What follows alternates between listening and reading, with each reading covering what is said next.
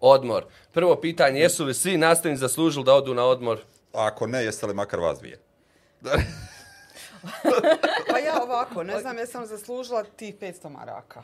O, ali ja sam zaslužila da odem na odmor. Ima Ja, to jeftinijih- subjektivno. Ima jeftinijih vidova nekog odmora. Čovjek Aranžmana. Sjedne na balkon pa se odmor, digne noge na stolicu, odmara se. Ovaj, ne znam jesu li nastavnici onako kao kolektivitet, ne znam je li imala nešto pametnije da kaže, ali onaj, mislim da, da kao kolektiv nastavnici ne znam jesu li, ne znam koliko su zaslužili ovaj, nagradu. Godišnji odmor je zaslužio svako, to, to ti ide po kolektivnom sporazumu. A jesu li zaslužili nagradu nakon sve ove šutnje i trpnje i neprogovaranja za, za stvari za koje su trebali progovoriti, za koje su morali progovoriti, ne znam, slijeduje li ćemo Mi included. pričati. Želite? Pa ja sam nekako doživala da sam ja ovdje došla zbog ovih estetskih o, kriterija emisije.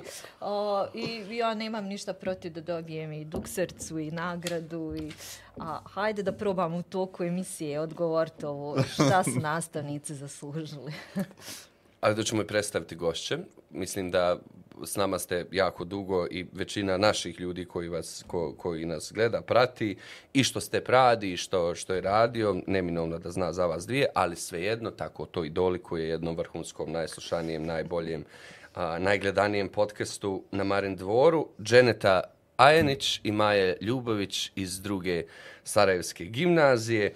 Um, osobe koje vrlo jasno artikulišu svoje nezadovoljstvo u obrazovanju, pritom paralelno rade sve da to isprave u svom a, mikrokrugu, što mi je posebno drago. Izlaze van okvira onoga što je njihov posao, prvo miješaju se u vlastiti posao, a onda rade i ono što im nije u opisu posla, to je na sve moguće načine pokušavaju da, da, da, da spoje mlade ljude sa prilikama što i vani. A, sjećamo se i sjajne epizode sa Udruženjem Plus i sa silnim aktivnostima koje ste radili. Volio bi jednom trenutku i o tom zašto više ne ili zašto vas nema baš u onom formatu o, u kojem vas je a, i bilo. Pandemija. Tako, a nije. nije. Nije, I- daćemo vam, vam odgovore, Zna, znamo odgovore, imamo odgovore Dobro. spremne na ta pitanja.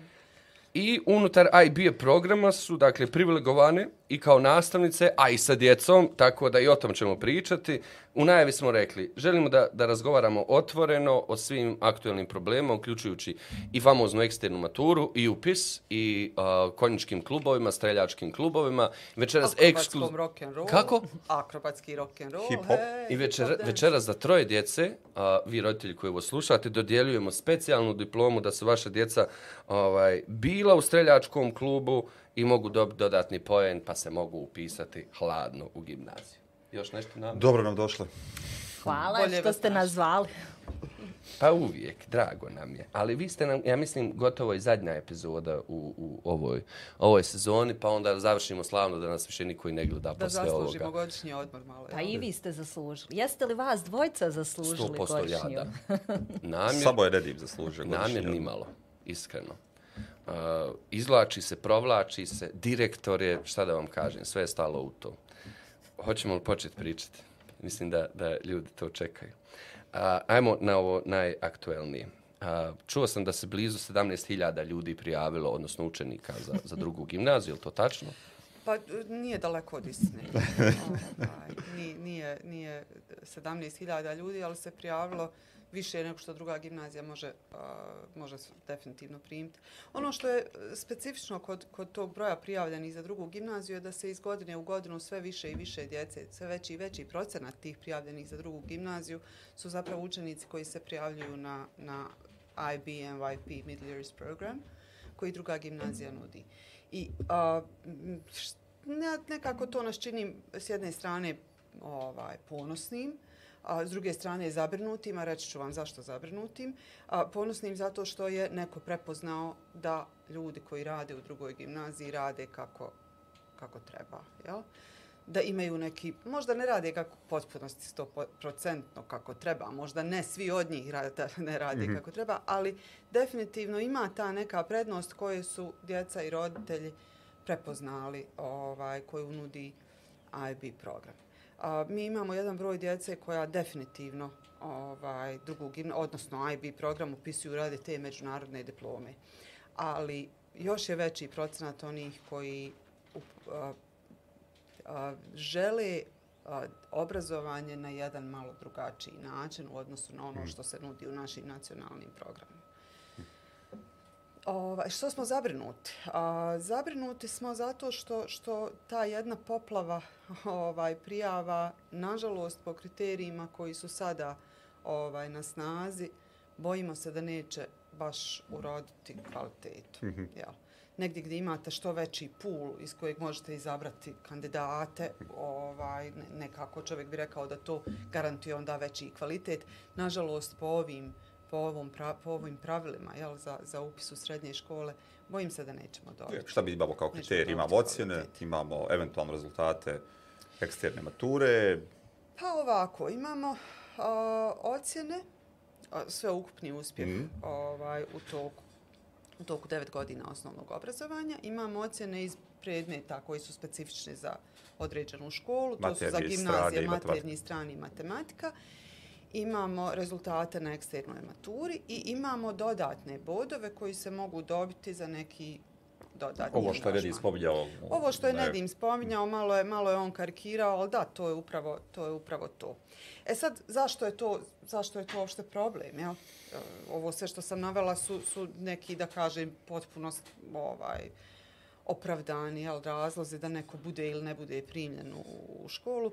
Problem je postao u trenutku kada prepoznamo da živimo u, jednoj, u jednom obrazovanju gdje a, su ocjene djelovanjem roditelja i djelovanjem vijeća roditelja još više svedene na jedan totalni absurd gdje, gdje su svi odlikaši, gdje je nekakav kantonalni prosjek, ti ćeš to namire bolje znat nego ja, četiri, nešto, preko, možda preko oko četiri i po, Više. to je i preko četiri i po, jel? Što je u, u, totalno neodrživo, totalno ne, ne možeš Da vjerovati li u jesu li roditelji za to najodgovorniji? Ma jesu. Jesu naj, nisu jedini odgovorni. ali Odgovorni su, odgovor, pa hajmo ovdje preuzeti svoju odgovornost. Odgovorni Odgovorni, su i su i nastavnici. nastavnici. O, nastavnici. Pr- Prvo, htjela bi se samo prije toga vratiti na ovo. Ovi kriteriji, kad ih pogledamo na papiru, oni su relativno okej. Nema im se šta zamjeriti. Pa naravno da će se gledati ocjene, pa eto to i neko eksterno ovaj, propitivan, sve to Pa i neke dodatne aktivnosti. Pa i neke dodatne aktivnosti, zašto ih ne bodovati. Međutim, sve je svedeno na absurd. E, čak i te, čak da. i te ocjene, počeš od ocjena koje se dobiju u školi, razni su faktori. Ima naravno ovih pritisaka roditelja koji opet opravdani su s ove strane, to je jedan ko začarani krug, jer eh, roditelji ne vide nikakav drugi način da svoje dijete prevedu viši nivo obrazovanja. sistem je rekao da su Tako, ocjene da, da su glavne. jedino što je bitno i naravno da će svaki roditelj pokušati na ovaj ili onaj način za svoje dijete dobiti najbolje.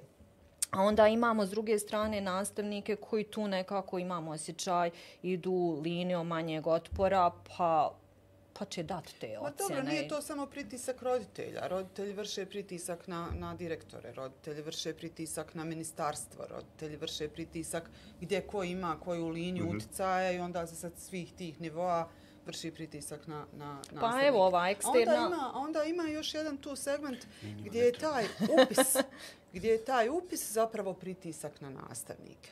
Pa ti imaš pred sobom neko dijete koje baš nije za pet. Ali ako mu zaključiš četiri, on se neće moći pisati. Pri čemu se vrlo često koristi ti to- argument a, u našoj školi četvorka je veća nego, ne znam, pet Da, petica da, u nekoj drugoj da, školi. Dakle, da. škola jedna drugu Da. degradiraju, nastavnici jedne druge degradiraju. Da. I ono kao u smislu, ako može u toj nekoj školi imati što ja sad da ne dam i da nečiju sudbinu Ma, ograničim. pazite, ono što, što je meni, što je najapsurdnije od svega, ali hajde sad, to, to, su, to su ocjene koje i nisu, koje i nisu toliko veliki problem. Ali ono što je najapsurdnije od svega je što, što u našem mindsetu, u našem načinu razmišljanja, mi ocjene dajemo. Ja tebi Tako je, dajem tako je. ocjenu jer si ti zaslužio Tako je, ocjenu. tako je. A To je- to- ocjena to je nije važno moja da je ja je. dam. Ja sam možda stručna da procijenim u odnosu na, na te neke određene kriterije ili šta Da, se već traži okviru od svog tebe. predmeta u okviru što- mog predmeta da kažem je li to tvoje što si pokazao znanje, ne generalno koje imaš, nego ovo što Mm. si pokazao na ovom testu, za koje je to ocjena. A mi smo se doveli u situaciju da nastavnici posjeduju ocjene koje onda daju. Kao alat moći. Kao, kao, kao neki poklon. Ja ću njega nagraditi peticom. Ja ću njega kazniti Tako je.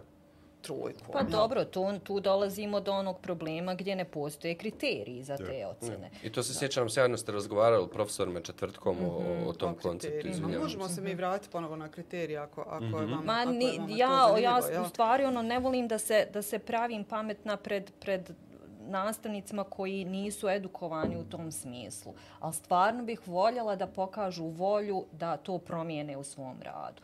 Dakle, nas dvije nismo to na našim fakultetima naučile ovaj, kako, koji su to kriteriji ocjenjivanja i, i, i kako tome pristupiti. Nego smo to naučili kad smo počeli raditi u IB programu. Dakle, tu je Evo, si- za, za nekoga ako ne zna koja je razlika između vrednovanja ili ocjenjivanja IB programu i ovoga što bi bilo naš klasično razumijevanje, davanje ocjena, davanje ocjena. Davanje ocjena, je. Pa u, u, u IB programu postoje jasni kriteriji. Evo recimo ja ću navesti, pošto engleski predajem, ja ću vam navesti kako izgledaju kriteriji iz engleskog jezika za jednu samo ispitnu komponentu. Jedna ispitna komponenta je pismeni rad na neku određenu temu. Prvo, postavi se jako jasna tema, postavi se jako jasan zadatak. Vi imate u, u, u našim školama često pojavu da nastavnici daju neke slobodne teme ili da daju teme tipa proljeće u mojoj ulici. Dijete ne zna šta se od njega to očekuje. Ovdje tema izgleda, na primjer, sljedeće. A, bio si svjedok nasilja nad životinjama koje je vršio tvoj drug iz razreda. A, želiš učenicima, ostalim učenicima u razredu reći da to nije u redu i šta se treba mm, uraditi da se to više ne ponovi. Jel? I na osnovu te teme učenik pi, bira koju će, koju će vrstu teksta, kako će se obratiti tim svojim kolegama iz razreda, hoće li to biti neki govor, hoće li biti pismo, hoće li biti novinski članak i tako dalje i onda piše. I imate tri seta kriterija. Jedan, je, jedan kriterij je jezik, znači koliko je on savladao engleski jezik, gdje piše od 1 do 2 boda zna to, od 3 do 4 boda zna to, od 5 do 6 bodova pravi toliko grešaka i tako dalje. Drugi kriterij je poruka, message, gdje uh, se ocjenjuje koliko je on jasno prenio to što je želio reći i koliko je to njegovo relevantno za onu temu koju, koja mu je zadata. Znači, ako je on pisa, pisao, ne znam, o, o tome kako su mace najbolji kućni ljubimci, to nije baš relevantno za ovaj zadatak Jasno. koji je imao. Jel? Istu, I tu je opisano. Toliko bodova uradio to, toliko bodova uradio to. I treći kriterij je konceptualno razumijevanje, pošto se obraća kolegama iz razreda, kakvim, kakav jezik je on koristio. Jel formalno, neformalno, kolokvijalno i tako dalje. Je li dobru formu tekstualnu izabrao da se obrati kolegama iz razreda? Hoće li se njima obraćati, ne znam, novinskim, novinskim člankom koji oni ne čitaju? Ili će im se obratiti, ne znam, a, govorom na, na času odjeljenske zajednice, prezenta, pojma nemam. I, a, I tu stoje jasni deskriptori koliko je učenik postigao od toga šta se od njega traži. Na nacionalnom programu dok sam radila, ja sam te pismene zadaće prilično onako improvizirala. A, ocjenjivanje sam na neki način improvizirala, pa ko ima puno grešaka dobije manju ocjenu, ko ima malo grešaka dobije veću ocjenu i, i tako dalje. Iako sadržaj je možda... Iako možda sad, ba Kvalitetnije. dobro, ne, čovjek nekako tu intuitivno skonta, a ovo mi se više sviđa, ovo mi se manje sviđa, ali vrlo je to, to je vrlo subjektivno jedno Tako, ocjenjivanje. tako. I ne smije da, da opstaje na tom. I apsolutno ne smije da opstaje na tom. Ovo što je isto važno, dakle kada se daje učeniku najbiju povratna informacija za tekst koji on piše, svaki od ovih segmenata koji ste ispomenula se obrazloži. Naravno. Ali vrlo jednostavno to možete obrazložiti, zato što imate već Da, predviđene te kriteriji, tako. rubrike u kriterijima koji opisuju nisi dostigo taj taj nivo gdje je trebalo da to i to znaš i zbog toga si ovdje dobio toliko bodova. I ti kriteriji, ti deskriptori su dostupni učenicima Tako, i roditeljima. Prije nego, što, prije nego što izađe uopšte na ispit, on zna po kojim, šta se od njega zapravo očekuje. Pa i sam da se procijeni na kraju. Ne trebate Oni mogu jedne druge procijeniti bez ikakve Pa mi to radimo kao problema. neku, kao neku i vježbu na časovima prije, na primjer, nego što sa, počnemo mi njih da ocjenjujemo, damo im priliku da oni recimo ono razmijene, ovaj, to zovemo peer assessment, ono s kim sjede, evo Maja, ja razmijenimo svoje radove i gled, pratimo kriterije jedna drugoj, ocijenimo. I to je dobra vježba i da nauče kriterije Je. i da nauče šta se od njih A ovo traži. našem nacionalnom ocjenjivanju, dakle to je doslovno ispisivanje ocjene uz moguće na nekim ovim radovima pisani komentar, također subjektivni, bez da je razloženo zašto je neke Ma dobro, dijete po dobile. nekom, po nekom pravilniku ti djetetu moraš obrazložiti Ali zašto šta je to obrazloženje? Ma nije- Obrazloženje može Nisi mi biti... baš- nisi da, mi baš Vrlo su obrazloženje kod nas biti, ti pravilnici Nisi ne- dostigao Na to što ja mislim da treba. Ma ja, rad je To na, to. nije ti baš, na, njegov ja je znam bolji. da, da, mislim, kao, kao i Maja, naravno, po- o, radila sam dugi niz godina u nacionalnom programu i znam kako se matematika ocjenjuje. I ta, nije, to nema tu nikakve promjene dan danas. O, kontrolni je, pet je zadataka, dva zadatka su dva, tri zadatka su tri i tako. Da. To je to. Je to. A, često nema uopšte niti, niti zadaci nisu rangirani po težini, nego su svi negdje otprilike jednake težine i svi su zadaci istog tipa. A, ne procjenjuje se ni jedna druga vještina osim a, jedne te koja je ma moramo je nazvati reprodukcijom, nije to bukvalno ona reprodukcija u smislu da, da sad na pamet su oni nešto naučili, ali je meni jednako na pamet i ako su oni prevježbali 20 Obrazce, zadataka yes. istog tipa i onda samo znaju raditi takav zadatak, to je reprodukcija. Uh, Dakle, i naravno da nemate tu šta obrazlagati, vi tu kažete djeci, aha, to su kriterije, evo, pet zadataka je petica. Pa Evo, Če- mi smo, dakle, jasno nam je da ocjenjivanje nije dobro. Dakle, jasno nam je da je prosjek potpuno nerealan, ne odgovara ničemu, ni na koji način. Jasno nam je da mi kao nastavnici nismo učili kako ocjenjujemo neke stvari i evo, ocjenjivanje ne valja. Zar ne bi eksterna matura trebala da pokuša popraviti takvu vrstu? E, eksterna matura uh, u jednom trenutku, kad je tek uvedena, a, Osam godina, ja? Da. De 13. ja mislim. Imamo dosta. Pa da, od, od, 9 godina, mislim, ovo 9, mislim, Deve, 9, ja mislim ja ovo isto godina. Ima dosta godina. Mi smo, uh, možda Dženeta nije, ona je mlađa. ovaj, uh, radile smo kada je, bila, kada je bio prijemni ispit. Uh, kada nije bilo eksterne mature. I kada je došla eksterna matura, zadaci koji su bili na prijemnom ispitu u poređenju sa zadacima na eksternoj maturi su bili teži. Znači, eksterna matura je pojednostavila taj neki upis, što je i, i, i donekle i okej, okay, jer prijemne ispite su polagala djeca koja idu u gimnazije, a ostala djeca nisu. Jel? E sad je ovo za sve učenike, pa i za one koji će u stručne škole, pa i za one koji neće u srednju školu nikako, tako da je ispit trebao biti jel, položljiv. Je li to dobra riječ? Odlično. trebao je biti položljiv. Ovaj, pa je to se pojednostavilo. Pa kako je koje godine pravljen novi katalog, onda su bili zadaci, ok, bio je katalog, pa će biti slični zadaci, onda je taj katalog još pojednostavljen, onda je bio katalog, pa će samo iz kataloga biti zadaci, onda je došla korona. Ovaj, nije bilo eksterne mature dvije godine, svi su dobivali 30 bodova. Ovaj. Ako su imali sve petice. Ma ja, A, a ako nisu imali sve pece, imali su 30 bodova za eksternu maturu. nisu, dobivali su kao neki Ekvivalenciju u proračun. odnosu na- neki- A pa to je. Tri predmeta. To je još gore. to je u svakom slučaju još gore. još gore. E sad, nakon eksterne, nakon ovaj, pandemije, nakon lockdowna, do pojavila se, jel, ukazala se potreba da se ponovo ovaj, obavi ta eksterna matura. Vijeće roditelja je bilo jako protiv toga, jer djeca će biti pod velikim stresom. Nije, čak sam bio na tom, na tom sastanku vije, vije, vijeća roditelja kad Da. su artikulirali to. I, ne, I nije bilo samo oko koncepta stresa, čak su dali priliku nekim ljudima da, da, da pojasne šta je pogrešno u vezi sa, sa tom maturom. A, I nadam se da na kraju nije bilo isključivo oko stresa i neka blentava o, Ne protekcija djece. Ne znam. Ne znam, jer a, šta, do čega se dovelo, pošto nije, nisu uspjeli isposlovati da ne bude eksterne mature, ona je obavljena. Međutim, zadaci su morali biti samo striktno identični onakvi kakvi su u katalogu i to oni najjednostavniji. Znači, teoretski dijete je moglo naučiti na pamet odgovore.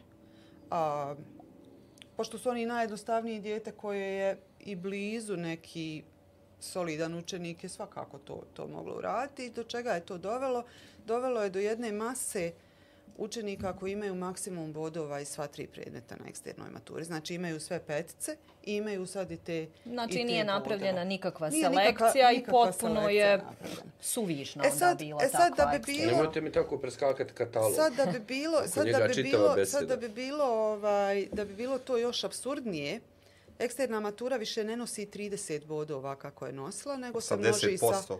Množi se sa koeficijentom 0,80 i nosi zapravo 24 boda. Je.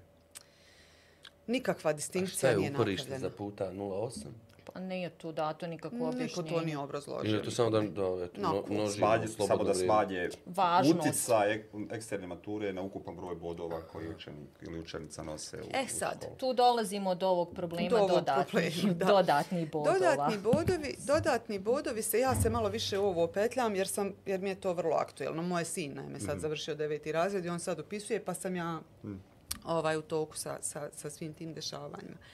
Dodatni bodovi se daju za takmičenja iz akademskih predmeta. Navedeni su u pravilniku predmeti iz kojih se Je li vjeronauka takmičenja dešavaju. akademski predmet? Ja mislim da nije. Ja mislim da nije, ali puno je veći problem po meni recimo što je matematika, a, ako je dijete talentovano iz matematike, ono može gurat matematiku do nivoa olimpijade.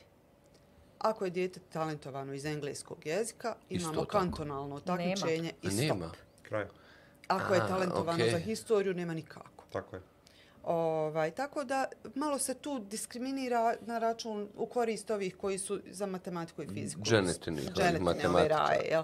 Ali Vidim sad, ja, ona se hajmo ne buni. Sad, hajmo sad reći da to nije neki veliki problem, jer tu je bilo potrebno doći do nekog državnog nivoa da dobiješ 10 bodova. Pa jeste problem, evo i da ostanemo na tom, očigledno ćemo Pa pričati jest, o ovom, zato što to ulazi u problema. uvjerenje da je nešto važnije od nečeg drugog Imamo i ono što nam je ogromni problem, moj predmet, moje i, i E sad, zato se može dobiti 10 bodova maksimalno.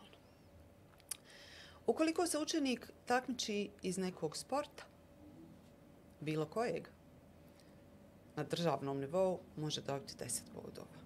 Ako uz to ima potvrdu da je perspektivni sportista, a te se potvrde dijele kao lotosmaravice, imam i ja, imaš ti tu.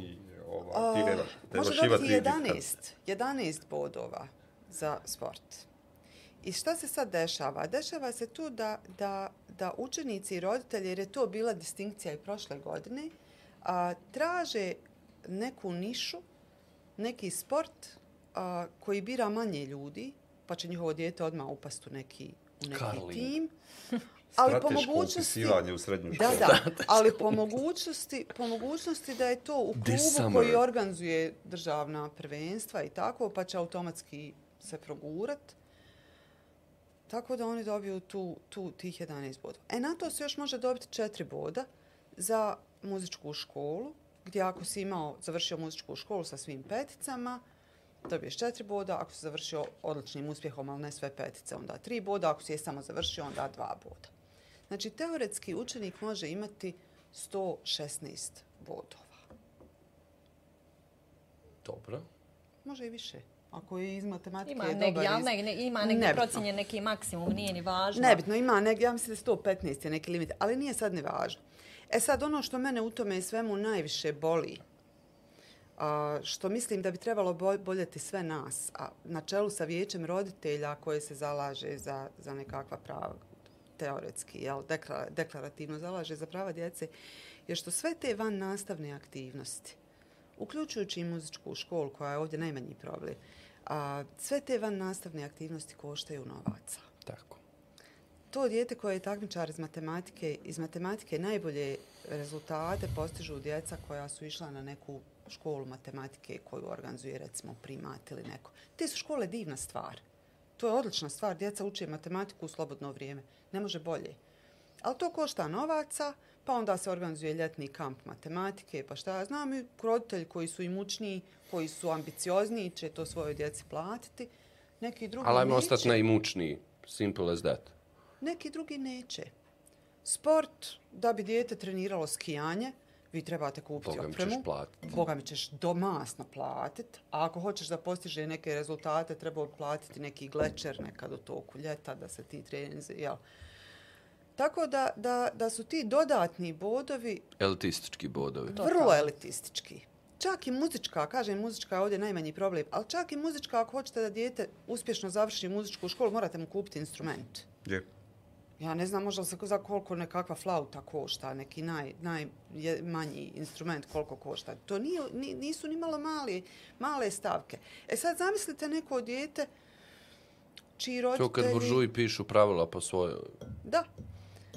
Neko dijete čiji roditelji, ne znam, imaju I da ne govorimo samo, druga gimnazija je otvorena za svu djecu iz Bosne i Hercegovine. Da i mnogo djece stremi ka drugoj gimnaziji, pogotovo u oblastima. Evo, Boris nam je u Vesedi govorio kako u biti sve matematičare po BH skupljaju u, u, na neki Klub, način u, u, u drugu gimnaziju. Samo uzmemo dijete iz Goražda koje sve i da hoće i da ima pare, ne može to ni trenirati, niti imati te da. prilike i tako dalje. Dakle, vrlo Sarajevo-centrično, vrlo elitistički do te mjere da, da, da je ono ogavno. Evo. Ja nekako mislim, imam osjećaj kao da su ta pravila pisana za ove koji hoće da se upišu na IB program. Ovo, I što je famozni ovo sa, IB Ovo program? sa dodatnim bodovima. Jer I što znači već... taj međunarodna diploma? Sad vam to Ajde. Ajde, samo ovo. Može, izvinjavam. znači, e, e, već evo nekoliko godina u nizu stvarno jeste, pa ja slobodno mogu reći, i opravdano i drago mi je zbog toga, a, veliki interes za upis na IB program. I naravno da mi trebamo proširiti kapacitete i nekako mi smo već kao škola a, došli možda u situaciju da prevagne nam veći broj djece da ide na IB program nego na nacionalni. I to je sve u redu. A, međutim, još to nekako ministarstvo nije stvarilo i oni dalje nama daju o, procjenju manji broj razreda a, IB programa nego nacionalnog programa. I zbog toga onda sad imamo ovaj problem jer a, prijavi se, ne znam, nija na, na neki kvot od 50 učenika, njih 40 će tu već imati preko 100 bodova ovi 10 će imati 100 bodova i onda se kao podvuče crta i onda i dole ispod crte ima još 100 sa 100 bodova.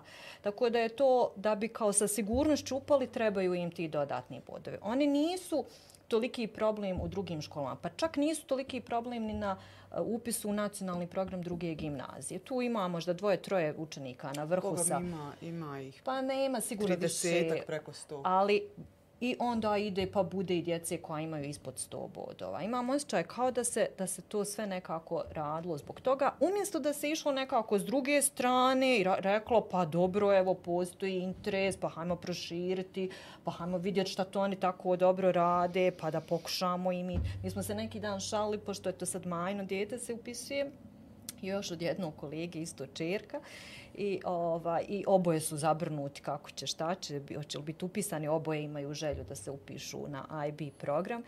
I, ova, i ja kažem, uh, ma ne, ovo reko nije u redu, reko ja kad budem direktorica druge gimnazije, e, nećemo ovako dobro raditi i nećemo Neće imati ovih, problem. ovih problema. Neće biti samo jedno, nešto mi je naopalo sekunde. Dakle, ako, na primjer, dijete dođe iz Zenčko-Dobrskog kantona, gdje nema koncept tekstilne mature. Mora, mora se prijaviti. Mora se pra, prijaviti u. Škole određene, jesu u školi. Ima okay. škola određena zato da djecu koja nisu završila osnovnu mm -hmm. kantonu okay. Sarajevo da se prijavi. Ok, ona bazična ova pitanja najnižeg reda. Gdje je isto kao i djeca u kantonu Sarajevo? Tako. Šta je dobro sa IB-em u, u, u IB-u? IB ima malo drugačiju, malo, malo po meni pametniju, jel? A, koncepciju, filozofiju rada. A, prvo tu su ti kriteriji, jel? Drugo, predmeti se predmeti, mene, ja se ježim, meni zlo dolazi kad neko kaže to onaj program na engleskom jeziku. To što se on predaje na engleskom jeziku, to je najmanja, najmanja u stvar stavka u svemu tome. A, predmeti, se, predmeti se predaju na jedan vrlo plastičan i praktičan način. Djeca se uče a, kritičkom mišljenju. Djeca se uče zaključivanju. Recimo, IB nema propisane učbenike uopšte. Da, se dotaknemo i ove teme, jel, do, do kupovine, jel, učbenika za, za učenike aktuelne. osnovne, danas aktuelne, jel, a, za učenike osnovne škole, IB nema propisane učbenike. Ima propisane, ajmo reći, ishode, jel, ono šta se od učenika očekuje da pokaže na ispitu. Kako ćeš ti uči, kao nastavnik, kako ću ja učenika dovesti do tog, do tog ispita i kako ću ja njega provesti uspješno kroz ispite, to je do mene. IB ima, postoje neki učbenici koje IB, koji su pisani u skladu sa zahtjevima IB, a koje ti možeš odlučiti da koristiš. Preporučuje. Ali ako ja sam u stanju da djecu provedem kroz ispite koristeći, ne znam, kozmopolitan časopis, bravo ja. Mislim, mene niko nema da, da mi kaže da to nije dobra metoda ako je on stekao Rezultat one kraju, kompetencije koje se, koje se očekuju. Ovaj, recimo, meni je bilo, kad sam tek počela raditi, to, to, sam, to sam primijetila, kolegica koja je predavala geografiju, nije učila djecu koliko ovaca živi na kojem kontinentu i slične stvari, nego su oni išli da gledaju klizišta, šta pokrene klizište, kako se to klizište u stvari desi, šta se tu, i onda su oni posmatrali to praktično na terenu. I to je ono što je prednost IB-a. E sad, ova ovolika navala na IB, ja imam rješenje i za to. Mislim, Ukinuti IB. Glasajte za mene. ovaj, ne treba ukinuti IB. IB, uh, IBO, International Baccalaureate Organization, je vrlo restriktivan i vrlo strog kada je u pitanju dodjeljivanje licenci školama. Nije lako dobiti licencu da budete IB škola, prolazite a, periodično evaluacije, možete tu licencu izgubiti. Nije to ni malo naivno. Ali ono s čim nije uopšte restriktivan, gdje je apsolutno velikodušan, su te metode rada, IB filozofija, način predavanja, način držanja nastave i tako dalje. Oni to stavljaju apsolutno, na, čak ohrabruju ljude da to koriste. Da šire ohrabruju filozofiju. škole da šire filozofiju. Ako je tolika potreba i tolika navala za IB, još IB škola. zašto ministarstvo Škola ne bi ohrabrilo škole da rade po IB? Ne moraju tražiti licencu. Samo da rade po Je načinu bio koji... slučaj u Makedoniji, čini mi se, Sjevernoj Makedoniji, da su oni primijenili u jednom trenutku na škole, više ne znam koje, da su primijenili kriterije, da je to sve neslavno propalo, jer se nastavnice nisu snašli, nisu ih obučili, a ono mislili su da će, jel se desili samo vrednovanje, ili Evo, su neke a- elemente, više se To ne malo ova sjećam. Maja ušuti. Je.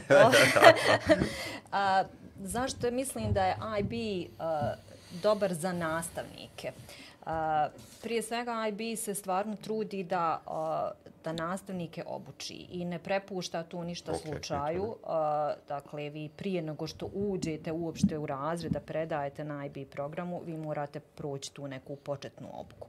A onda poslije toga periodično traži od škole da svakog nastavnika šalje na redovne obuke. Dakle, nisam ja ona isti nastavnik kad sam tek počela raditi, kad imam iskustvo neko tri godine, pet godina i više. I onda su te obuke upravo tako i postavljene po nivoima znanja za nastavnike i svaki put dobijete neko nešto novo kada odete na tu obuku. S druge strane, on IB kontroliše i samu školu kako se, kako se ponaša. Dakle, nema, ne prepušta ni to uh, da kažem nekoj stihiji, evo vi ste sad dobili licencu i vi radite. Dakle, taj proces evaluacije u svakoj školi ide svakih pet godina. I oni traže, traže da se ispune određeni uslovi, zapaze šta, šta tad niste nešto možda dobro ne radite, zadaju vam zadatke za sljedeći put i kažu imate do sljedeće evaluacije da to, da to popravite.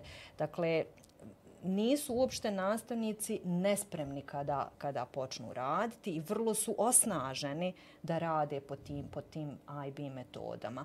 Um, on, ovo što kaže Maja, apsolutno stoji. Vi, mi smo, imamo potpuno samopouzdanje da nam ne trebaju ni učbenici, niti neki e, mentori, niti bilo šta. Kad, kad imate sistem u koji vas stave i kad tačno znate šta radite i kako ocjenjujete i kako i šta tre, koji su ishodi, e, šta vaš učenik treba da zna na kraju, e, nije teško. Vi, se, vi tu, svako tu u tom sistemu može Da. Da, treba da, da, da li ispade da radimo reklamu na IB, onako imate gužbu na, na upisi, još treba Ja, dodati. samo nam treba neko, reklama, neko, ovaj, Jutro ste drugi, bili na N1. Ovaj, drugi, druga stvar koja je ovdje meni zanimljiva, jedan jeste nivo, sad da pretpostavimo da neko ko ima novac traži kvalitet i u ovom trenutku kako izostaje izgradnja kvalitetnih drugih škola, zapravo neko grupiše se tamo. Ali ima jedna druga stvar koja je isto prisutna je ja bih nazvao pomodarstvo u smislu da ako ja pripadam određenom krugu, živim u nekom određenom mjestu, dio sam neke ekonomske ono, klase, ja želim i mora da moje dijete ide sa tom drugom djecom koja pripadaju tom nekom, tom nekom nivou. I na taj način ovaj, zapravo oni zauzimaju to kao neko, na neko svoje teritorije. A s druge strane, dakle, u ovo sve ovo vrijeme, ono čemu si ti govorila, dakle, da nismo vidjeli šta je korisno, sad sve ovo čemu ste vi pričali, sistem vrednovanja, ulaganje u nastavnike, praćenje rada, proces, dakle, to su stvari koje bi trebalo da ima svaki obrazovni sistem. Apsolutno. I svaki obrazovni sistem koji je ozbiljan to sve ima i mi smo sad do, doveli u tu situaciju da čak evo imamo i konkretan primjer gdje to funkcionira, Da. a zapravo sve ove godine ne koristimo makar pojedine segmente da popravljamo vlastiti Upravo sistem. tako. I ovo sve što se tiče samog upisa je zapravo osim druge gimnazije još možda nekoliko škola kojima je gužva i na kraju kad su nadležne obrazovne vlasti kad koriste pravdanje organizacije eksterne mature zapravo žele da smanje gužvu u pojedinim školama. Tako, I to većina drugih živi. škola u Jer je- stvari ima manjak djece, jer mi generalno imamo Tako. manjak djece Dakle, i stanovništvo čak nam se ove godine, iseljava. čak i ove godine više je mjesta predviđenih za škole nego je djece koje je završilo eksternu, koje je polagalo eksternu maturu u kantonu Sarajevo. Da, da. Dakle, ostaje, ostaje više mjesta. E sad, šta je zapravo ono moje suštinsko pitanje? A, zašto mi nismo dizali kvalitet škola? Ja, ja čak se ću usuditi reći da u velikom u velikoj mjeri gimnazije posebno kaskaju za, za nekom ozbiljnom, bitnom i važnom reformom, još uvijek se drže nekakvih načela koji su možda bili sjajni 86. ili 7. godine, ali evo ja ću se usuditi reći, pa neko radi šta hoće, gimnazije više nisu predvodnice ozbiljnog, kvalitetnog obrazovanja u Bosni i Hercegovini. Nažalost. Je. Nažalost. Evo, ovo mi važno. Prirodno, bilo bi prirodno da jesu.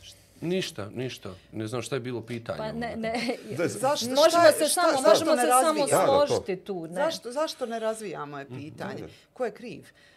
A, nažalost, a, ja mislim da su, da su nastavnici krivi. Nastavnici su pasivni.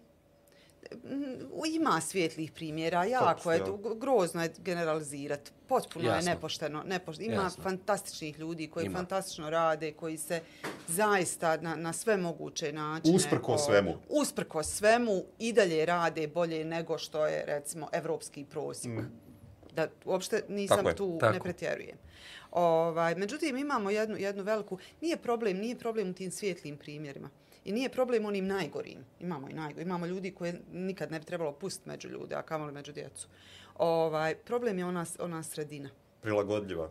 Ona, s- ona sredina koja je ah, koja teži da, da uh, u stanju mirovanja ostane i dalje. Koji, koji teže da, da ništa novo ne nauče, da ništa u svom radu ne promijene. Njih je a, online nastava beskrajno šokirala zato što nisu znali koristiti računare, iako su računari naša realnost od, od 90-ih na ovamo. Ovaj, e, vrlo, vrlo teško e, prihvataju bilo kakvu promjenu i bilo kakav novitet. I vi njima kada kažete da sad uđete u bilo koju školu, evo namire ti u svoju školu da uđeš, da kažeš kolege vi ćete početi od iduće godine djelimično usvajati IB filozofiju. To je bila pobuna. Možda u, u toj tvojoj školi, možda i ne bi, možda su oni super ovaj, adaptibilni i super spremni na promjene, ali u većini škola to je bila jedna strašna pobuna. Ma ono što je, ja mogu da primijetim, evo, nas dvije smo radile ovaj, i, kao, i kao treneri a, kritičkog mišljenja, to znate, a, sa nastavnicima osnovnih škola i, i te... Širom BiH. Širom BiH, jest. I te, I te ideje kritičkog mišljenja, vještina rješavanja problema, one na prvu o, nađu nekako ovaj, dobar neki odgovor nastavnika. Svidi se to njima kad im mi to pričamo i neke ideje koje mi damo kao sve je to super i tako. Ali onda negdje zakaže onaj moment kad oni to treba da primijene. Kao i mnogi drugi veliki koncepti. Tako. Koji padaju onda kad treba da se spuste u učionicu. Ali stvarno, o, tu samo malo nekog treba, po mom mišljenju, malo treba volje i truda. Naravno da je to teško na početku promijeniti iz onog svog tradicionalnog rada. I naravno da je najlakši onaj rad kad vi samo sjedite, ispričate lekciju, poslije ispitate tu lekciju. Znači ne postoji lakše od toga. Ne, Ima jako puno tu i one, one uh, što se zove naučena bespomoćnost. Jel? Mhm. A, i, i, I nekakav uh, kao meni je plan i program mi je ovakav, direktor mi je on naredio Da, kao onako, izgovor, naravno. savjetnik mi je rekao ovako, ja sad ne mogu ništa drugo. Možeš. Ti si ti si gospodar svog časa. Ti na svom času možeš, ne možeš raditi šta hoćeš naravno, ali u okviru svog predmeta i u okviru svoje struke možeš raditi šta hoćeš. I niko tebi ne brani da ti predaješ na drugačiji način. čak svi zakoni zapravo daju potpunu slobodu, Slobodu, u, pri, da. u pristupu, u, u korištenju metoda podučavanja. To je po zakonski potpuna sloboda nastavnika. Dakle, nastavnik je slobodan koristiti različite metode učenja i podučavanja ovaj, koje su tu, bez obzira na sadržaje koje program nastavnog predmeta propisuje, nastavnik ih može učiniti tako da iz njih izvuče, ne znam, čitav set drugih vještina Mi smo uvijek pokušavali da kažemo ono što jeste kod nas u odnosu na druge uspješnije uh, obrazovne sisteme. Jeste kod nas problem obimnog plana i programa, suvišnih nastavnih jedinica i tako dalje. I, I donekle i razumijem kad nastavnici kažu kad ću ja to raditi, pa moram stići sve i tako dalje. Mi smo uvijek pokušali da kažemo pa ne morate to svaki čas raditi. Hajde probajte, pa ne znam, evo, samo jednom mjesečno nešto drugačije uraditi. Pa pa da se i vi djeca naviknete na tu drugačiji, na neki drugi oblik rada, pa će vam se dopasti, pa ćete vidjeti da bolje usvajaju znanja. Ali imam osjećaj da to tako upravo padne. Ima, ima tu, ima tu jedan, jedan, ozbiljan, jedan ozbiljan izgovor jel, za nastavnike koji, koji nije samo izgovor, koji je realan. A to je da naša profesija nije cijenjena na način na koji ona bude trebala, na koji, ja, a, finansijski. Mm, jel? jasno, jasno.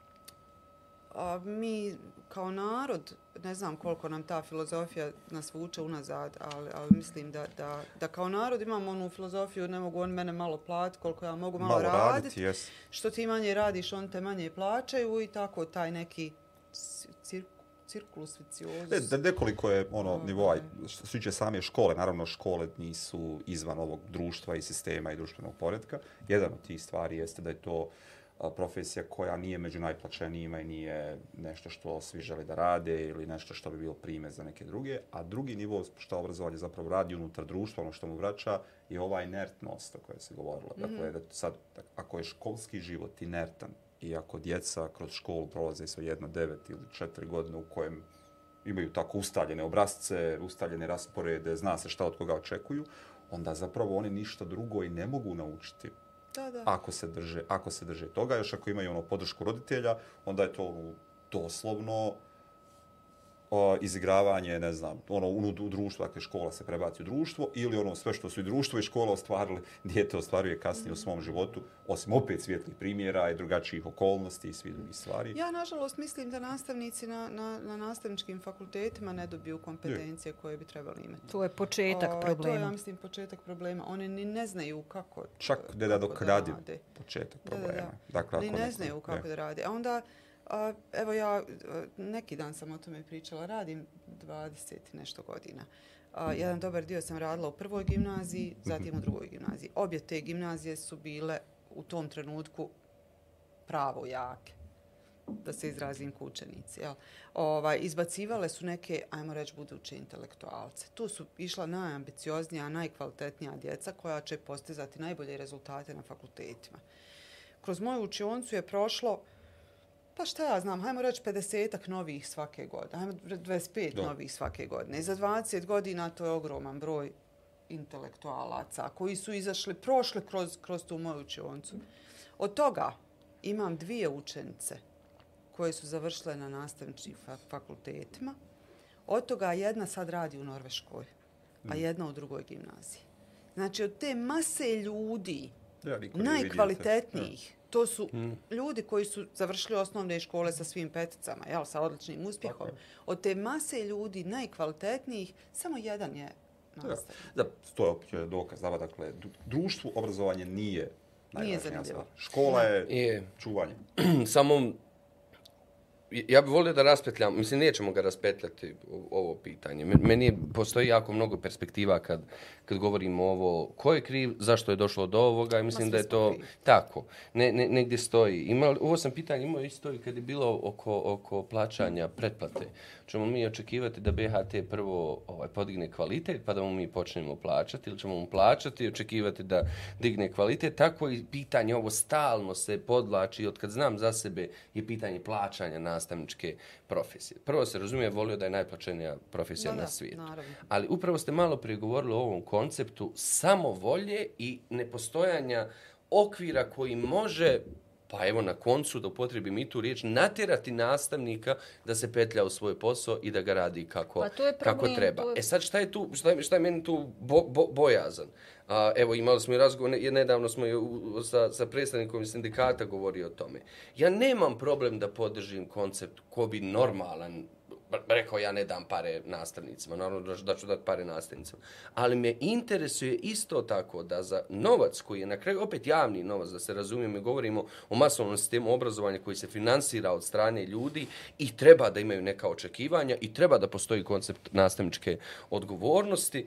A, da li trebamo govoriti o zasluživanju ili plaćanju u nadi da će neko trigerovati Teško. svoju samosvijest i reći, ok, ja sam plaćen u ovom društvu, koliko god da sam plaćen, ja trebam da radim svoj posao. Ja mislim da se ne možemo... Ne znam, jesam bio ono, jasno. Jasno. Uh, mislim da se ne možemo samo u, kod nas uhvatiti u koštac sa rješavanjem jednog problema, tipa plaćanje ili kriteriji ili edukacija nastavnika. Ili, na, kod nas je sve problem. I, Je, je. I nekako bi morali sve rješavati, nanovo, je. sve rješavati, sve rješavati odjednom. Kad samo riješili plate nastavnika, mislim da ništa ne bi dobili. Pa ne, Pogotovo... Bez obzira kolike one bile. Bez obzira koliko one bile. Pogotovo ne na način što ono popularno se kaže linearno su svi jednako plaćeni. Dakle, nije tako. Jednostavno nije tako. Ne rade svi, svi jednako. Nisu vam svi isto traženi. Dakle, mi sad imamo ogroman problem sa nedostatkom kadra a, nastavnika matematike, informatike, pa čak i stranih jezika, dok imate s druge strane hiperprodukciju ovaj, nekih drugih nastavnika, gdje se na konkurs prijavi po 200 na jedno mjesto, a na drugo mjesto se ne prijavi niko. Tako da tu bi se moralo na neki način ocijeniti kako platiti one nastavnike E, sad onda koji govorimo o kriterijima, o standardima profesije. Tako. Toga opet nemamo. nemamo. Da, ali isto tako moramo to posmatrati kao, kao tržište, ponudu i potražnju. Ako jedan informatičar za frtalj posla od onoga što bi trebao uložiti u školu može zaraditi negdje drugo pet puta više, čovjek treba biti budala. Da. Treba biti totalni neki en- entuzijasta, zaljubljen u obrazovanje pa da ostaje u školi. Ili treba imati neke druge motive, a taj motiv mogao biti da radi neke privatluke dok djeca vama na času onaj, surfaju po Ne, internetu. vrlo... Pa kriteriji Ovaj. zapošljavanja su tu problematični. Ne možete tražiti, to je sada opet još I jedan pisali dodatni problem. pisala si o Jest. tom. Ne možete tražiti da, da neko završi elektrotehnički fakultet da bi u, u, u, u školi predavao djeci informatiku. Stvarno nema potrebe za tim da je neko sad tamo programir, neki vrhunski i da njemu to, to znanje ne Je. treba u školi kao Sad nastavnika. ovo pitanje, treba li uopće nama informatika kao predmet u obimu koji sad na način postoji na koji unutar škola? E pa to je Tako. upravo ovo što Ili Džaneta govori. Ne možemo riješiti samo jedno. Tako je. Ne možemo mi samo platiti informatičare šestostruko, pa će oni sad U biti, super zašto, ne znam, bilo ko od nas, koji preda bilo koji drugi predmet, ne bi mogao razvijati kod učenika digitalne kompetencije? Ne da bi mogao, Recimo, nego bi trebao. recimo u IB-u, recimo u IB-u postoji jedan, na, na diploma programu postoji jedan dodatni predmet. Djeca biraju šest predmeta ovaj, u suštini koje na kraju izučavaju. Ali kao sedmi predmet imaju jedan, jedan predmet koji se zove teorija spoznaje. To sad veze nema s informatikom, ali tu teoriju spoznaje a, ti moraš, oni imaju posebne časove, ali moraš kroz svaki predmet provući. Oni znači kroz svaki predmet uče misliti. Tako je. Ovaj, tako bi se informatika mogla tretirati. Ako je problem s nastavnicima informatike, evo, osposobi je. ostale nastavnike da u svojim... Ali ne može se to raditi bez ozbiljne promjene Jer je Neću reći s- promjene planova i programa, nego Nego, zapali pa sve suštinski, dakle, svaki učenik, bez obzira čime da se bavi bilo kojim, bilo kojom aplikacijom, bilo što da izučava, mora imati neki sadržaj. Taj Da. sadržaj može biti sadržaj, Sadržaj bilo nekog kojeg drugog predmeta, apsolutno. To ono, nikako, apsolutno. I traže, drugi nastavnici i traže da neko napravi prezentaciju, traže da nešto dijete uradi u nekom okruženju Mhm, digitalnom. Dakle, doslovno rade sa učenicima na razvijanju digitalnih kompetencija, a onda imamo dakle, ovu nelogičnost, da to zapravo predaju a, nastavnici koji ne, nemaju nikakve druge oblasti informatičkoj, ne znam, priliku da rade ovo udosno plaćene poslove, nekome kome to nije volja i na kraju nema ih. Nema ih, nema, nema nema. Ali mi za koju godinu nećemo imati nastavnike ni za ostale predmete. Mi smo prošle godine izgubili četiri kolegice koje su otišle Hmm. u inostranstvo trajno. Da, da. To su ljudi koji se, iz samo jedne škole, ja. To su ljudi koji se neće nikad vratiti. Mislim, Ili se ja može voljela desiti... da se vrate radi nas, a radi njih bi voljela Ili ono što se može su- desiti da, ne su znam, kanton Sarajevo usiše iz drugih dijelova, iz drugih kantona nastavnike, pa, Pa da ostanu ti dijelovi. problem. Dakle, ne, Negdje će ali biti. će ne biti Problem ono... će negdje biti. Problem Pritom tu- ovo što su problemi u Sarajevu i sa upisom u gimnaziji, nigdje drugo nisu ovaj, pr Drugi problemi. su to- medicinske škole u, u drugim Da. dijelovima BiH su zapravo... Kao vele izdaja. Jeste, dakle, doslovno školovanje za odlazak. I nemaju djece, nemaju djece. Uopšte nema ovog koncepta navale, nema... Ma meni je i to malo, malo da kažem, bezobrazno i, i, malo dvolično kada se na djecu stavlja teret, tako. teret kao vi ste izdajnici što Ne, vi odoste. ne, ne. Potpuno se tu, Ovaj, tu, tu mislim, slažemo. Ako, ako djeca smatraju da sa završenom medicinskom školom mogu imati bolju perspektivu negdje vani, na nama je, odnosno na društvu je da njima omogući bolji život ovdje, pa će se oni nama... Ali ja mislim da je to mnogo širi problem od toga Nešto. koncepta me- medicinske Medicinske škole. škole, To je ma koncept naravno. vjerovanja da nešto možeš drugo u životu, nego si predodređen samo kao ono ži- životinska neka inhibicija, kao preživi, upiši to oportunistički imati da ovo će novac, nešto dati, a bez da Da. uopšte otvoriš koncept šta dijete zaista želi, Da li šta ti bi to želiš, jel te to zanima, zašto si E pa ja mislim da imamo toliko tako isto i, i, i djece sa ovih 100 plus bodova koje je neko predodredio da, da trebaju ići u gimnaziju, a oni bi zapravo bili puno sretniji negdje drugo. Jel? Neko, ko, je, neko ko, ko se zaista posvećuje sportu, ko želi postići sportske rezultate i tako dalje, on kad upiše, mi imamo takvih slučajeva na svake godine po nekoliko, kad upiše ovaj, IB program, ne može da savlada jedno i drugo i onda odustaje od jednog. Da. Često to bude onaj sport koji je njemu motivacija za, za sve u životu, a posvećuje se učenju. I vi djetetu oduzimate nešto u čemu je on gradio, u čemu ste mu ga pogurali da gradi svoj, svoj identitet, cijeli svoj život, insistirali na tome da ide na takmičenja, na, na kampove, na ovo, na ono i, i sad mu to oduzimate jer ne može postići. Oder od cijela visi isto Ma tako nečega što je vrlo, što je vrlo važno. Uh, uh, dakle, evo, Nedim je spomenuo u uvodu da ste organizirali druge stvari koje nisu direktno vezane za sramu školu, kroz Druženje Plus, vaša ideja i ovaj, drugi, drugi niz stvari. E sad, dolazimo do onog pitanja nastavnika kao javnog intelektualca ili nekoga ko želi da unutar društva učini neke druge promjene, da upozna sa nekim drugim stvarima. Uh, zašto ste to radili i što ste prestale? Prvo, zašto smo... Što ste se ulijenili? Pa radimo Prvo druge. zašto smo radile.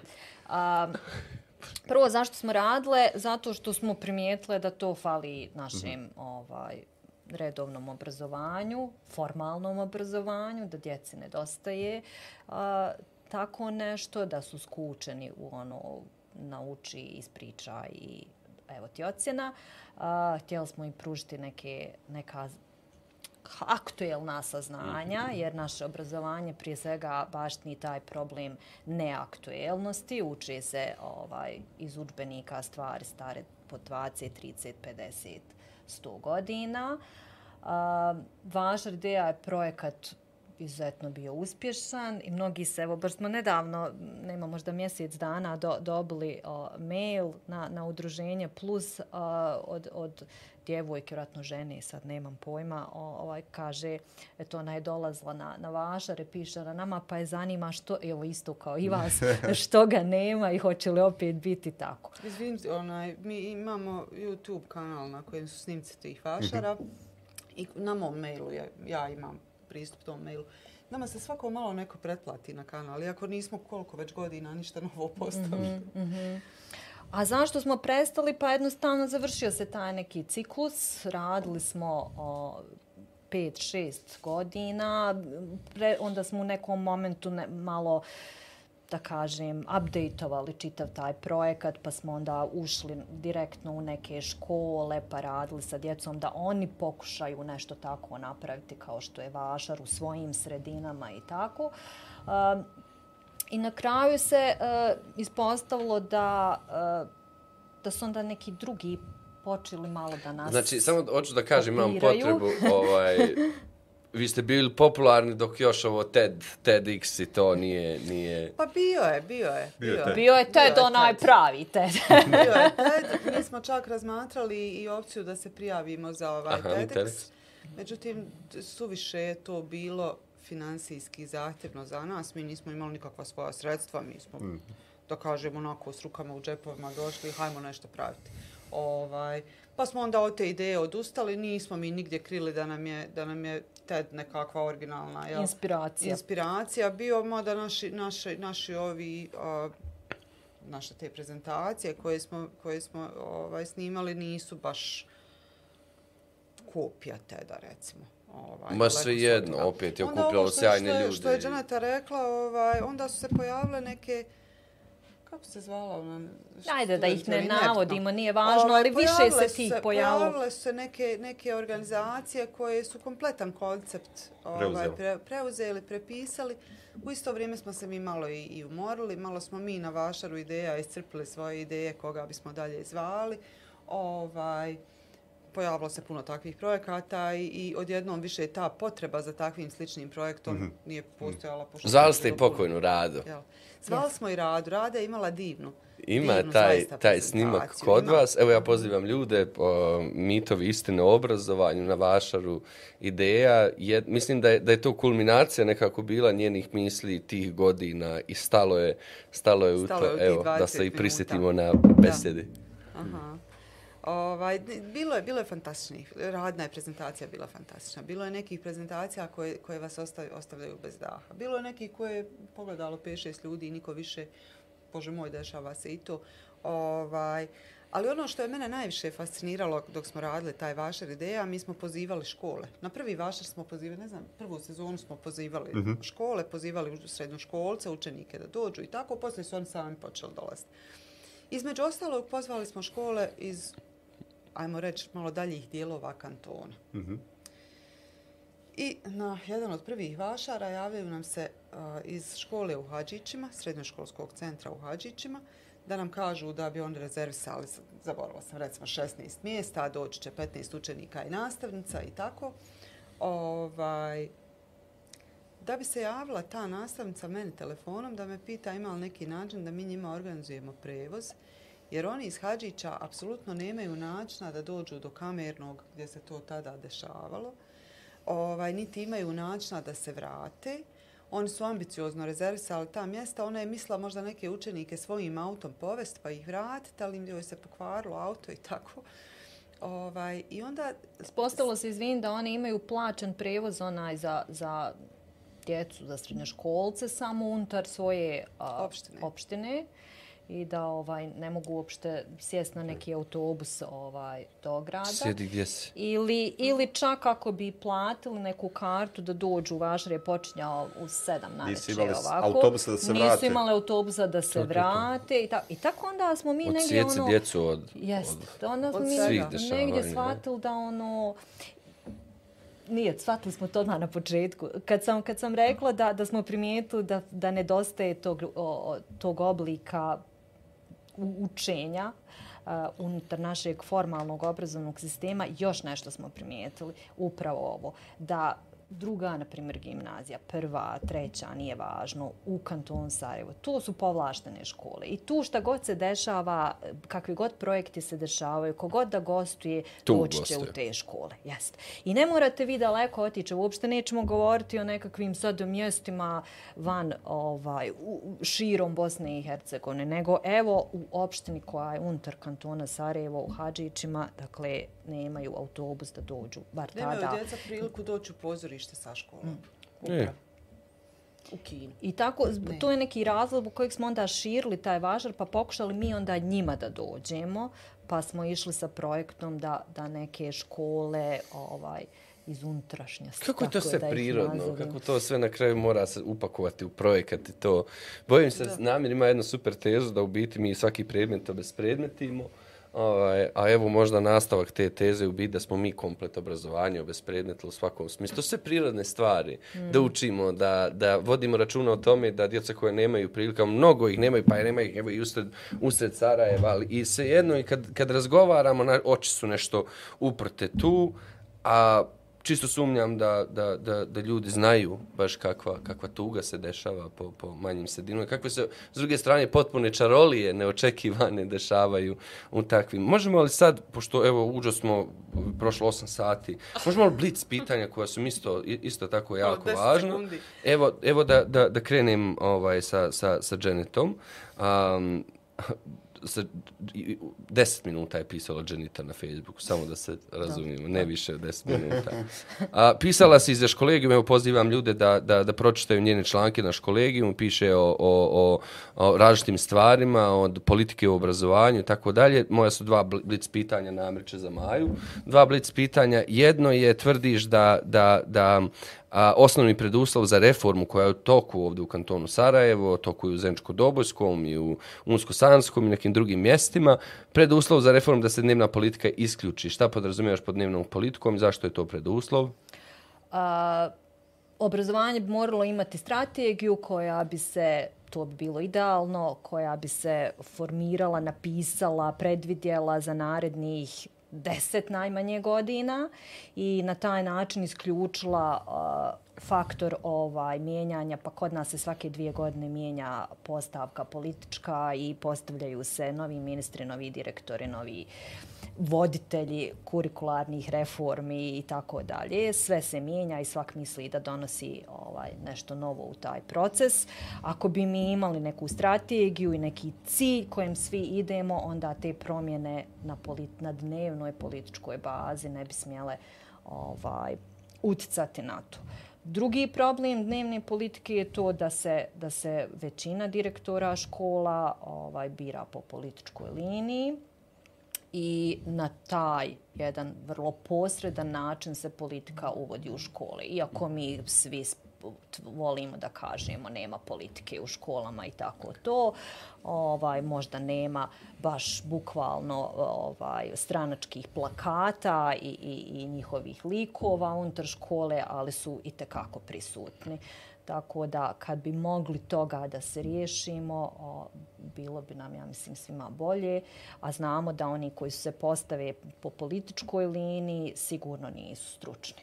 Kako reaguješ na ideju da Skupština, evo, kantona u kojem ti živiš, Dženeta, donosi tako velike odluke o obrazovanju? Misliš da postoji kapacitet, ne samo ove, bilo koje Skupštine, kako se osjećaš po tom pitanju? Osjećam se loše, jer, jer a, odluke koje se tiču mene mog profesionalnog života, ali mislim i cijelog našeg društva, jer obrazovanje bi trebalo da je jedna od najvažnijih stavki u svakom društvu, pa tako i našem, donose ljudi koji su apsolutno nekompetentni za takve odluke. Dakle, ja ne osporavam, možda su oni ovaj, se obrazovali da budu političar, većinom nisu, ali nema veze, ali definitivno nisu kompetentni da donose odluke o tome kakvi će se sadržaj izučavati iz razno raznih Tu su najglasni.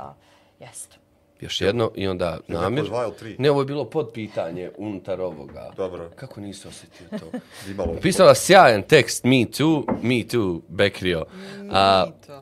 Mito Bekrio, uh, u vrijeme pokreta uh, Me Too pisala se u koncept seksualnog uznemiravanja u škola. Otkud tebi ideja da sto, u školama, otkud tebi ideja da se uopšte dešava u školama?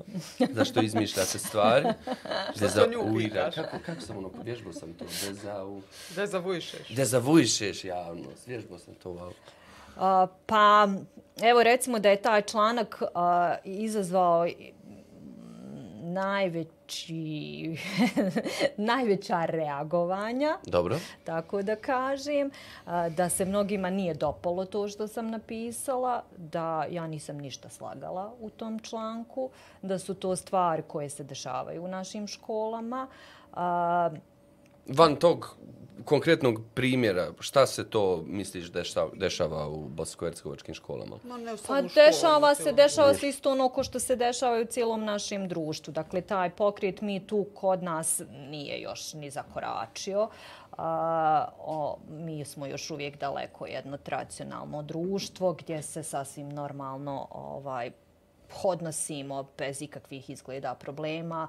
A, pri tom, prema tom problemu kakav je odnos ovaj muškaraca, pogotovo nadređenih muškaraca, ali i ovih u istom nivou kolega prema ovaj prema ženama da su neki uh, komentari uh, seksualne konotacije ovaj sasvim normalni, da to često izaziva smijeh ne samo muškaraca nego i žena u kolektivu. I to nije problem To nije problem škole, niti ovaj, bilo koje institucije, to je problem cijelog našeg društva i ono što postoji u društvu postoji i unutar naše mikrozajednice kakva je škola.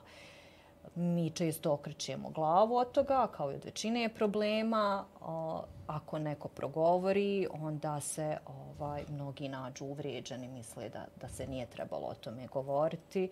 To se rješava u četiri zida, jel? Da, otprilike. O tom da. se ne priča. Hvala ti, Dženeta, i hvala što pišeš hrabro o jako važnim temama u obrazovanju. Idem ja sa ovim težim kratkim pitanjima Hajde. za Vaju. Spremna sam ja na Ja, svaka pitanje. čast. Bajo, koristiš li u nastavi engleskog jezika serije i filmove? Koristim. Zašto? Zašto? A, zato što je zabavno. A, ja smatram da, da ko, koristim, ne koristim, Mhm. nekad više, nekad manje, u zavisnosti od toga koju temu Mhm. trenutno obrađujemo, kako, kako se to uklapa u temu, ali ne, apsolutno ne, ne da ne bježim, nego volim koristiti super. ovaj, i, i serije i filmove i, i preporučujem djeci i podcaste i ovaj, stand-up komedije i tako dalje. Mislim da, da, da djeca fantastično dobro uče kada im je zabavno. A mislim da se svaki predmet može, može navesti, ne, negdje upakovati u nešto što će njima biti zabavno i smiješno, onda će oni bolje i naučiti. I volim da, da, ja volim da oni, to je nekako utopijski, volim da oni vole školu. Da. A tamo gdje su se smijali i gdje su se zabavljali, to će voljeti. Evo, primjer neke preporuke za kolegice i kolege koji predaju engleski, serija, film koji, gdje si Pa imala recimo- posebno uspjeha ili negdje ti je- Ne znam jesam li imala uspjeha, ali recimo ovaj, imamo problem u našem jeziku kada govorite ovaj, bosanski jezik, naša intonacija je prilično onako ravna, mi nemamo one neke uspo. Engleski ima. I od intonacije zavisi je li to pitanje, je li to konstatacija i tako dalje. Jedna fantastična serija koju djeca sigurno nisu gledala, koja, koja tu intonaciju karikira i do te mjere ismijava da, da njima to bude zabavno, a usvoje je, je serija Keeping Up Appearances. Zaboravila sam kako ona na našem prevedena. A, u toj seriji, a, sjetit ćete se vi nje, bila ona na televiziji. Ima ona jedna gospođa koja je Hyacinth, udata je za gospodina koji se preziva Bucket, ali ona neće da kaže da je on bucket, nego kaže bouquet. Pa se javlja na telefon, this is the bouquet residence. o, I ona taj, taj, tu intonaciju karikira i to je ovaj, jedan, jedan spektar smiješnih likova ovaj, koji smijavaju britansko društvo. Onda recimo a, imam jedan niz filmova koje koristim a, koje sam koristila kad sam radila u nacionalnom programu uz, uz ovaj Headway udžbenike za treći i četvrti razred. Pa ima onaj na jednom mjestu a, ima a, kompletna lekcija a, koja je o, o, o zapravo ono Enigma Machine koja ima Imitation Game koji je fantastičan film. jel. Pa onda pokažem Imitation Game, a za vrijeme gledanja filma oni uče i jezik. jel. Pa onda ima, ovaj, pustila sam im kad smo radili, ima jedan, jedna, jedan unit koji se tiče Prvog svjetskog rata i, i ratova generalno, pa sam im puštala epizode Crne guje, one, ono, Prvo svjetsko rat. Da, ona sezona kad je prvi svjetski rat. Može se uvijek nešto naći. I drugo najteže pitanje, klic pitanje, a, šta te najviše obraduje kod učenika? Koja reakcija ili koji postupak učenika te najviše raduje kao profesoricu?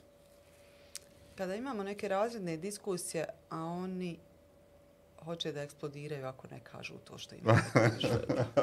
Sjajno. Još Pa- namjerno ne date do kraja. Ne možete... niste, mi dali, te- niste mi dali teško pitanje. Da, Protestujem. Ja sam sa... sa Protestuje. molim evo, gospodina koji vam je postavljao pitanja. On je Kod kriv. njega je bila moć. a Odabrao je ova... Najteža. Ova, lila. Najteža Li- pitanja. lila. Lila pitanja. A završavam uvijek tako što neko preporuči... a, Ovo, ovaj put pravimo izuzetak. Moraju jednu zajedno da preporuče i po jednu pojedinačno. A, dobro. Mogu li ja prva? Koju ćemo zajedno, pa nismo se dogovorili. Nismo se dogovorili, ali dogovorit ćemo se u hodu. A, ja sam razmišljala, ja sam znala očekivala sam. A, zato što Gledaju. kao prava štreberka i razmišljala sam o tome. I onda sam razmišljala koju bih ja mogla knjigu preporučiti.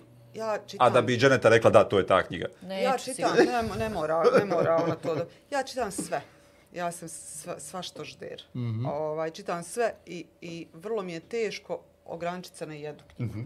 Ja imam u, u, u IB-u imaju obavezu pročitati u, u toku mog kursa dva književna djela, pa onda ovaj, pripremiti ispit na tu temu. Ja ne mogu to, ja, ja im ponudim sedam, pa oni od tih sedam izaberu dva, a i to sam se jedva suzdržala.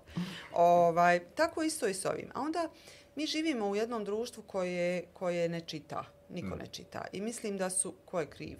Mislim da su zato krivi ovaj, spiskovi lektira iz osnovnih škola, Ne gdje je, gdje je jako važno, gdje je jako važno ta veličina nekog pisca, jel? I onda se vi osjećate glupo kad preporučite neku knjigu koju nije napisao neki veliki pisac, pa ćete vi sad preporučiti Dostoje, Tolstojevskog Najveći i tako ruski dalje, pisac jel? sa Elisejskih polja. Ovaj, ne, Elisijskim i tako dalje. O, a, kod nas se ljudi suzdržavaju čitanja stvari koje nisu velika neka Mm. književna djela. Stidi. Stidi ih, stidi ih reći da to čitaju. A nije ih stidi Ja, reći ja da sam čitaju. se zazvala jučer s Janetom, pa ona zato rekla nećemo se, nećemo se složiti da ću preporučiti Game of Thrones. Neću preporučiti Game of Thrones, ali neću ni ne preporučiti. Ja zapravo želim preporučiti, sramotno je koliko ljudi malo čitaju i uključujući i nastavnike koji ništa ne čitaju. A, ja ću preporučiti ljudima da čitaju bilo šta. Da čitaju ljubavni vikend roman sa trafike, ako im se to čita. Bolje im je čitati to nego ne čitati ništa. A, kada nekom preporučujete, recimo, kvalitetno vino, jel, pa ga pitate, prvo ćete ga pitati, jel ti piješ crno ili bijelo? Jel voliš slađe ili voliš, ne znam, oporo ili maž? Najbolji Kako preporučiti, kako, preporučiti, kako preporučiti kvalitetno vino nekome ko nikad vino nije probao i, i čak se to kosi s njegovim životnim uvjerenjima da bi ga i trebao piti. Isto je tako i sa čitanjem. Kako preporučiti knjigu nekome ko ništa ne čita i ništa ne voli. Ovaj, mislim da, da ljudi, preporučujem ljudima da grade svoj ukus za čitanje. Pa kad, kad neko od nekog traže preporuku da mogu reći šta otprilike oni vole, pa ću im ja to i preporučiti. Ja sam sve pročitala što se moglo pročitati. Naslov. Izbjegla? Izbjegla. izbjegla pitanje, Naslov. čitao. Naslov. Naslov. Uh, s djecom radim i njima se jako sviđa Fahrenheit Aha. 451. Okay. A, ne znam koliko je to za širu neku publiku, ali Fahrenheit 451 prikazuje društvo bez knjiga. Mogu i film pogledat, dva ili da imaju dva, jel tako? Jel da? E, Dvije Ne znam, Sam nisam gledala, ustama. nisam gledala filmove, ali uh, hoću da kažem da to je, to je uh, prikaz jednog društva u kojem je društveno neprihvatljivo čitati knjige. A, A govorili o oraba, jel? Ubosti se događa. Ubosti se događa, a znaš šta je tu Nam prodaju najzanimljivije? toplu vodu, mi to živimo. Mi imamo, mi imamo ljude u, u Fahrenheit Preči to. 451 koji po čitav dan gledaju okruženi su televizorima, imaju neke slušalce kojima slušaju radio, to je pisano davno dok Da, nije je. bilo interneta i tako dalje. A u pozadini se dešava rat. Oni apsolutno nisu svjesni šta se dešava izvan tih njihovih televizora i mi to živimo. Mm. Gdje su ljudi zabavljeni nekim a, reality showovima Entertain. enter, jeftinom, jeftinim entertainmentom, a zapravo ne znaju šta se dešava, ko im radi u glavi. Hvala. Želite?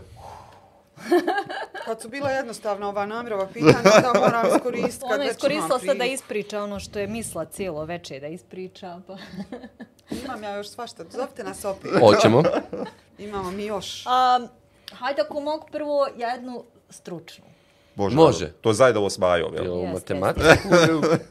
Pa vidi, to je matematička knjiga, ali, ali ne vidim razlog zašto se ona ne bi mogla tako isto ovaj, da, ka tako isto dati ideje i nastavnicima drugih predmeta.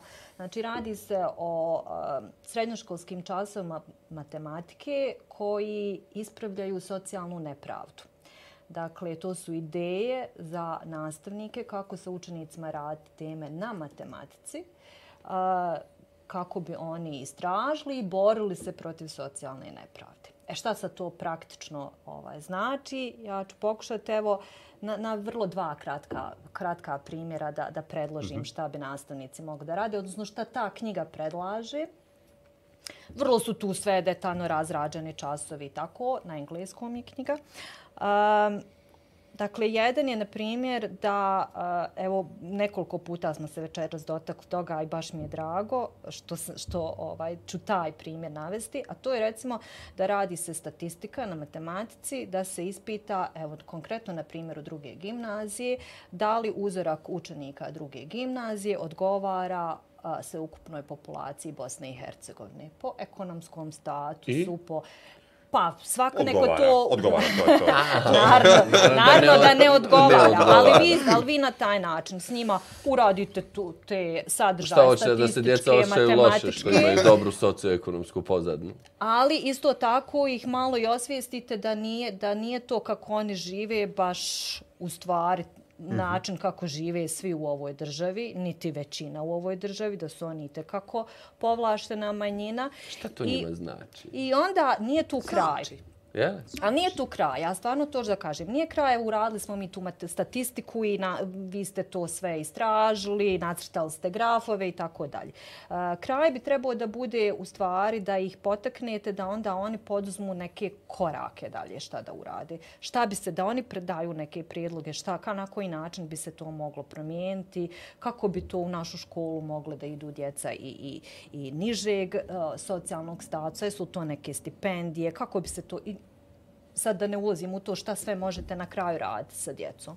Drugi neki primjer bi bilo evo na, na temu e, algebre, znači na primjer jednačina, sistema jednačina, ovaj, da, da se istraži kolika je to minimalna plata za preživljavanje, na primjer u Bosni i Hercegovini. Je li to ona koju nam vlast ovaj formira a, kao minimalnu platu ili stvarno Sindika. za život ili za život treba nešto više para.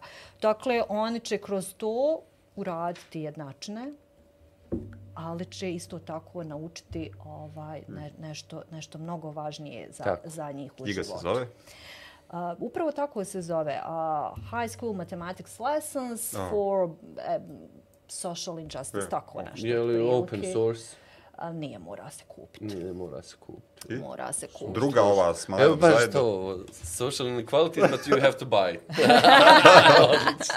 pa dobro, da ne moraju je djeca kupiti, neke kupe, neke kupi škola, neke kupi grupa Školska nastavnika, neke Aktiv kupi... Aktiv nastavnika matematike. Upravo, upravo. Ali vi se s ovim možete temama povezati i sa drugim predmetima. Vi možete, ne znam, nija, sa, sa geografijom, sa, sa istorijom, sa, sa sa zasno, evo, sa sociologijom, sa šta sam već ovaj... Vjeronauk. Pa, pa može i sa vjeronaukom, što da ne. Nima dosta, dosta budu... tu nekih tema, se dosta da nekih jednakost. ono, prijedloga tipa ko, koje su aktuelne u američkom društvu, jer knjiga je američka, mm -hmm. da ono tipa uh, rasne i onaj, nejednakosti i, i takve stvari. Ali vrlo vi to jednostavno možete prilagoditi za, za, i za okay. kontekst našeg društva. Tako da, da, ovaj, da je vrlo, vrlo upotrebljiva knjiga. A nestručna? A nestručna, ovaj, Pa od ovih ja tačno ne... znam ko šta će slobodno. Hoću, Ajde, pa mora. Pa ali hoću uvod. se to. Ne, ne, ne, ali i, i, ti moraš svoje privatno da, da promovišeš, ok? No, Pošto je ovo sad, platili ste za ovih zadnjih pet minuta. hoću uvod da napravim prvo. Znači, i od ove neke nestručne, tako da je nazivom literature, ja volim da čitam te... Mm, uh, knjige, romane, priče koje, koje se uvijek dotiču te neke socijalne tematike, društva u koje mi živimo ili, ili, ili društva nekog drugog, ali u, koje, se, koje se bavi tim stvarima. Uh, tako su mi ovaj, tako moram, evo sad to ću samo onako ko, ko usput da spomenem kako mi je ovaj vrlo mi je drag Cvjetić i ovaj i preporučujem da da pročitate šta možete od njega da nađete. Ovaj evo sad ne znam trenutno čitam ovaj Saša Ilić, ovaj Pas i kontrabas, mislim da se Je, zove. je, pas. Ovaj, Ninova nagrada. A, jeste, Ninova nagrada. I tu isto bavi se na jedan vrlo književni način, ali, ali ovim nekim našim okruženjem. A, a ono što eto posebno preporučujem je... Ovaj, Posebno, posebno. Posebno, posebno je ovaj, jedna također Pro- knjiga koja će se tako, od koja se bavi tim stvarima, a to je ovaj, novi roman Almiralića, Proždiranje, jeste. I uh, tek je izašao, tako da, da ovaj, nabavite, pročitajte. Uh, piše s jednom... Dopada mi se u stvari kao i kod Cvjetića što, što piše ovaj, i e, onom što ne valja u našem dvorištu, a ne u onom tamo tuđem. Eto. Tako otprilike. Još jedno ljudi- proždiranje. Ljudi Od to ne vole čuti. Almiralić. Ljudi tako to ne vole čuti. Loše stvari o sebi se nikad ne iznose. Tako je. Šta mu bi. Šta mu? A ovaj privatni moment? Privatni moment je, ovaj, ma ja nisam htjela, po- podavno je to bilo, nije nikakvo recentno izdanje, ali eto. A, Ali Evergreen izdanje. Šta? Pa ja mislim da jeste Evergreen. Radi se o knjizi koju smo pripremili mama, brat i ja, a, koja je jedan, a, jedna zbirka tekstova koje je moj otac pisao za mm, kao Facebook statuse. Ovaj, on je jako dugo radio u Orientalnom institutu kao istraživač, jedan od njegovih naj, da kažem, projekata ko, kojim je koji su mu najsimpatičniji bili, je bilo istraživanje koje je radio sa Fehimom Nametkom ovaj, vezano za toponime u Sarajevu, imena ulica, imena mahala i tako dalje. Ovaj, I onda kad se počelo nakon rata sa jednim potpuno nenaučnim pristupom, a, se počele mijenjati imena ulica, počele su se pričati neke priče, otkud ta imena i tako dalje. Ovaj, njega je to strašno, strašno boljalo kao jednog naučnika istraživača. I onda je nekako taj, taj Facebook on koristio kao jedno kao jedan ventil za, za pražnjenje te, te, tih svojih frustracija, jel, tim nenaučnim pristupom. I a, radio je na, to se popularno kada na engleskom zove debunking, na debunkingu tih mitova, otkud neka ulica, otkud neka građevina, otkud neki običaj i tako dalje u Sarajevu. Knjiga se zove Sarajevo između legendi i historije. Može se nabaviti u knjižarama već neko vrijeme ovaj, po, po, po gradu. Ja nisam smatrala da, da se treba prodavati izvan Sarajeva, da, da ima interesa za njom izvan Sarajeva. Mislim da je to onako više jedna lokal, patriotska priča. Ovaj, ali mislim da je, da je za, za sve koji, koji vole Sarajevo i koji žive Sarajevo, nije loše da znaju da zapravo Eiffelov most nema nikakve veze S s Eiffel. Eiffelom. ovaj, da znaju da, da Somun nije dobio ime po nekakvom oficiru koji se zvao Somun, vojniku koji se zvao Somun, da Koševo nije dobilo ime po, po uzviku koš, koš, ovaj, nego po košavi koja, koja po košnji, jel, koja ovaj, se dešavala tamo, ne, a ne po košavi. Tako da, da, Eto, to bi bilo to što bih ja preporučila svakom Sarajevo da... između da legende i Ipak su historije. dobili dvaje dvije knjige. E, na kraju. Izvukli Samo da znate, ovaj dio posljednji je plaćen, tako da ovaj, bili, smo, bili smo dužni, moramo i mi od ničeg da živimo. Dragi ljudi, hvala vam. Hvala. Hvala vam Hvala puno. vama. Hvala vam mnogo. Hvala vam na svemu. I izvan ove Hvala vama, besede. joj, imamo mi puno još priča. Imamo, ali Imamo očigledno za tri nećemo završiti. besede. Nema, idemo sad Niko će nas televizijski program, onaj, sad narodna emisija Idemo sad kreće. na piće Pa, da završimo ovo izvan kamera. To, to. hvala. ove priče. A, hvala mom drugu Nedimu Krajišniku, evo, Imam bez obzira drugu na sve što je vi ste odsustvo. druži me volimo, Onaj, ako sve jedno što je prošli put odstovao, super mi je što je ponovo tu. I naravno, hvala drugu Imeru koji je uvijek tu. Bravo, dakle, i Imere. nas da, da, da se ne vidite, ne bi bilo Imera, eto, to je čitav nivo. I naravno, hvala vama što ste nas gledali, što nas gledate i uživo, i u snimku, i kasnije, i tako. I podržite nas da platimo imera. Dužni smo u mjesec. Ćao. Ćao!